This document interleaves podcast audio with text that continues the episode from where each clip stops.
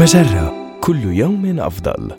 من هارفارد بزنس ريفيو أحد مواقع مجرة. إليكم النصيحة الإدارية اليوم. نصائح للتعامل مع شخص يعتقد دوما أنه على حق.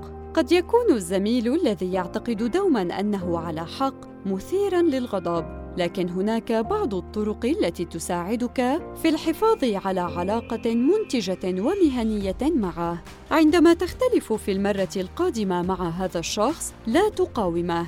فتصعيد النقاش بينكما لن يغير سلوكه. بل أنهي المحادثة ثم اذهب للقائه بعد أن تمضي بعض الوقت في التفكير واشرح له الشعور الذي يسببه سلوكه لديك. يمكن أن تقول شيئا مثل عندما تختلف آراؤنا حول قضية ما تتمسك برأيك بقوة لدرجة تدفعني للسكوت.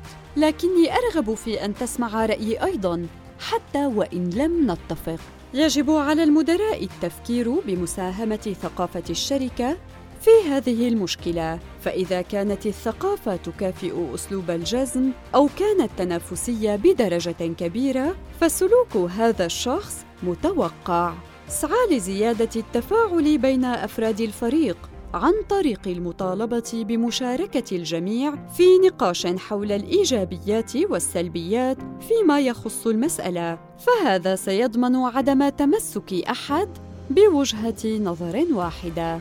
هذه النصيحة من مقال كيف تعمل مع شخص يعتقد أنه دائما على حق؟ النصيحة الإدارية تأتيكم من هارفارد بزنس ريفيو أحد مواقع مجرة مصدرك الأول لأفضل محتوى عربي على الإنترنت